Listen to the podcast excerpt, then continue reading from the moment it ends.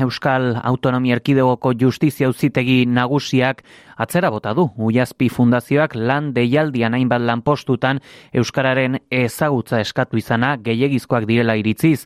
Uliazpi Gipuzkoako aldundiaren erakunde autonomoa da eta dibertsitate funtzionala duten pertsonei eta familiei ematen die zerbitzua, afera honen nondik norakoako bekiago ezagutu nahian, geurean dugu, inigo urrutia, administrazio zuzenbideko irakaslea, egunon, inigo?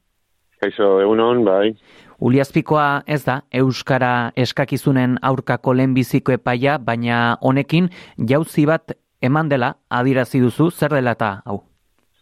Bai, e, jauzi kualitatibo bat e, gertatu da epai honekin. E, orain arte, bai irungo kasuan, zen laudioko kasuan, e, epailek e, Euskara ezagutzaren aurka egin dute, baino e, orain artekoetan behintzat, erabili diren argumentuak izan dira konstituzioaren interpretazio, nolabait, e, oza, lineal bat, e, gure, hau da, Euskal Autonomia Erkidegoko hizkuntzeskak buruzko araubidea kontutan hartu barik. Jauzian non dago, e, pai honetan, ba, epai honek egiten duena da, e, izkuntzeskak araubidea, e, hartu, interpretatu eta esan hizkuntzeskakizunak arautzen dituzten, arau guzti horiek konstituzioz kontrakoa direla. Beraz, momentu honetan, esan diteke, erabat, ba, babez gabe geratu garela, hauzitegi e, nagusiak, Euskal Autonomarkedoko hauzitegi nagusiak, atxera bota dituelako, e, ba, administrazioetako hizkuntza planifikazioak gidatzeko araubidea. Beraz, bueno, ba, sorua erabat lokastuta dago, eta, bueno, une honetako egoera benetan larria da. Mm Hala ere, egoera horren baitan, ikusita zer nolako erraztasunarekin bertan bera gelditu den hori, alako interpretazio bat eginez, nola gelditzen dira ba, Euskal Autonomi Arkidegoan indarrean dauden ba, izkuntza eskubideen legediak eta arauak?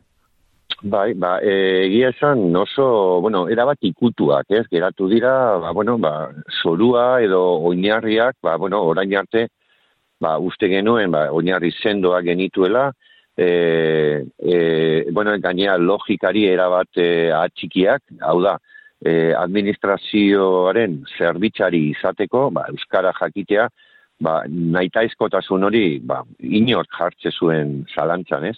Azken finean, administrazioetako langilek, e, administratuaren zerbitzura daude, hau da, ez da, e, bueno, ba, administrazioak ez dauka hizkuntza inpozatzerik, beraz, e, euskeraz funtzionatzeko moduko langileak izan behar dituzte gure administrazioek. Alde hortatik, ba, epai honekin, bueno, pues, e, geratzen adana airean, egin zuzen, bueno, pues, epailei, ba, bueno, iruditzen zaielako, iruditu zaielako kasu honetan egin zuzen, ba, hogeita malau plaza iz, derregorrezko izkuntzezak izunarekin, deialdi publikora eramatea, ba, desproportzionatua dela, ba, gaztelerazko plazarik estielako ateratzen, naiz eta e, e, hori araubidearen gure araubidearen eragina izan. Ez beraz, no, adierazten digutena da, gure araubideak, ba, bueno, nolabait, ez daukala, ez daukala indarrik, eta, bueno, induena izan da, ba, deus estatu lan deialdi horiek. Ez, egia esan, larritasuna apurat horti datza, ez? E, bueno, ba, beste oinarri batzu beharko genituzke egoera momentu honetan erabate ze onkorra dalako.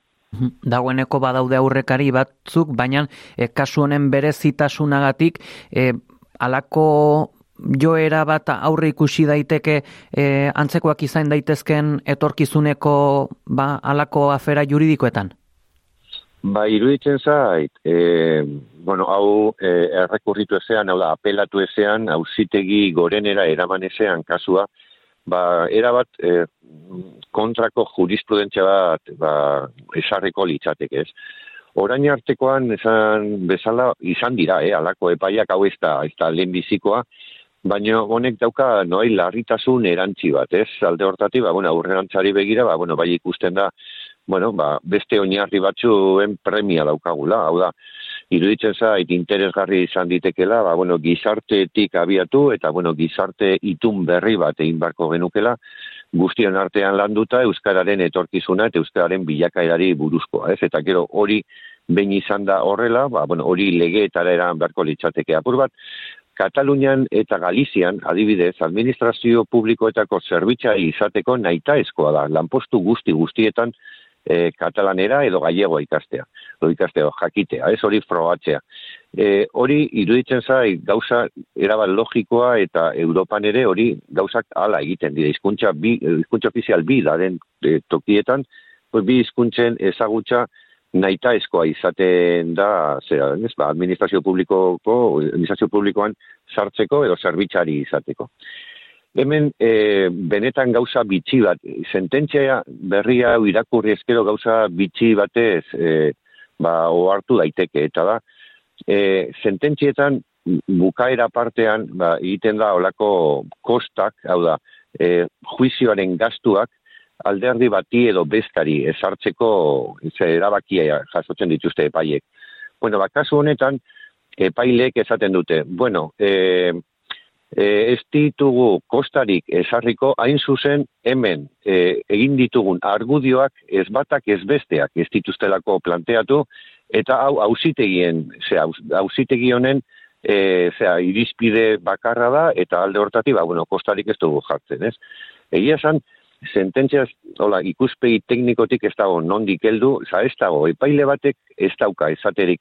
Bueno, naiz eta alegatu ez, buk hemen, oine, e, gure oinarri hau naiz eta ez, e, alderdi batek zenbeste e, alegatu ez, bueno, ba, guri iruditzen zaigu, hau konstituzioz kontrakoa dela, ba, bueno, nolabait gaztele euskarik ez dakitenak ba, diskriminatzen dituztelako alako deialdiek. Ez egia esan, zait, erabat, e, iruditzen zait, olda, oldarraldi judizial baten, zean, e, bueno, pues, pues, magalean e, gaudela momentu honetan, eta eta bueno nolabait osea legearen arabera jardun bit eh ezea e, e, beharrean hor epailek dabiltzate ba legegilearena egiten eta legegilearen papera hartzen hartzen ba noi beste no, iz, ba, izkuntza normalizazio eredu bat inposatu nahian ez? Benetan larria da ez? Epailek hartu duten posizioa eta jarrera hau Uhum. Gipuzkoako foru aldundia jada iragarri du, elegitea jarriko dula, eh, ondorrengo pausa gorena izango da, urre ikusi daiteke ere, ziurraski konstituzionalera ere helduko dela, afera judizial hau, bertatik zer, zer espero daiteke? Bueno, egiez zaila da, eh? E, Madrilen, Madrileko hauzitegi gorenera alako kasuak e, sartzea, interes kasazionala frogatzea, ba, bueno, neko komplikatua izaten da, alako e, alako kasuetan hau da, autonomia arkidego batek onartutako lege baten edo arauaren kasua izanik, ba, zaitasunak izango ditu. Hala ere, nik saiatu saiatuko nintzateki dutzen zait, badagoela argudiorik e, hausitegi gorenera kasua eramateko, e, hain zuzen, bueno, ba, epai honek ez duelako errespetatzen, bai hausitegi gorenak eta bereziki konstituzia hausitegiak emandako zenbait sententzia, ez? Jurisprudentziaren kontrako sententzia bada, eta gero bestetik, ba, bueno, lehen esan bezala, ba, bueno, pues alderdiek alegatu ez dituzten argumentu batzuetan oinarritzen da, ez, epaileik, epailek asmatutako argumentu batzu jasotzen dituzte, eta gainera, hori propio agertzen dute sententzian bertan, esan ez, ba, bueno, pues kostatara ez dutela, ez bat, ez bestea kondenatu behar, ba, irizpideak eurak inventatu, edo, bueno, eurak jaso dituzterako, euren, euren kasa, ez e, iruditzen zaitu hori ere erabateko indefentsiba sortzen diela alderdiei, eta beraz, bueno, pues, kasaziorako aukerak egon ditezke, eta baita ere, ba, bueno, pues, kasurik txarrenean, konstituzia uzitegira. Baina, ala ere, iruditzen zai gizarte modura ere, pues, hausnarketa bat eskatzen duela epa jonek, ez? E, ez da, ikusten ari gara, itxasontxira, ura sartzen ari dela, bueno, ba, urgenteena da, nolabait, ur zera emari hoiek, ba, bentsa gelditzea, eta hortarako, ba, bueno, e, funtzio publikoari buruzko legean e, alak aldaketa puntual batzuk egin barko liateke, apurat gure sistema blindatzeko, eta bain hori eginda hausnarketa orokorrago bat egitea, ba, nik konbeni dela edo naita eskoa dela momentu honetan, ez? Eta da, bueno, ze araubide daukagu, on berrogei urte onartutako euskaren legeak, ia gaur egungo beharretara egokitua den, edo, bueno, noet lege sendoagoak behar ezote ditugun. Hausnarketa hori egin ondoren, akaso legislazio hizkuntza legislazioaren e, aldaketa etor diteke. Baina, bueno, hori ba, prozesu baten baitan, ez? Mm Eskarrik asko, azalpenengatik, inigo urrutia, urrengor arte? Mm -hmm. Oso ondo eskarrik asko, nire zuen arte, bai.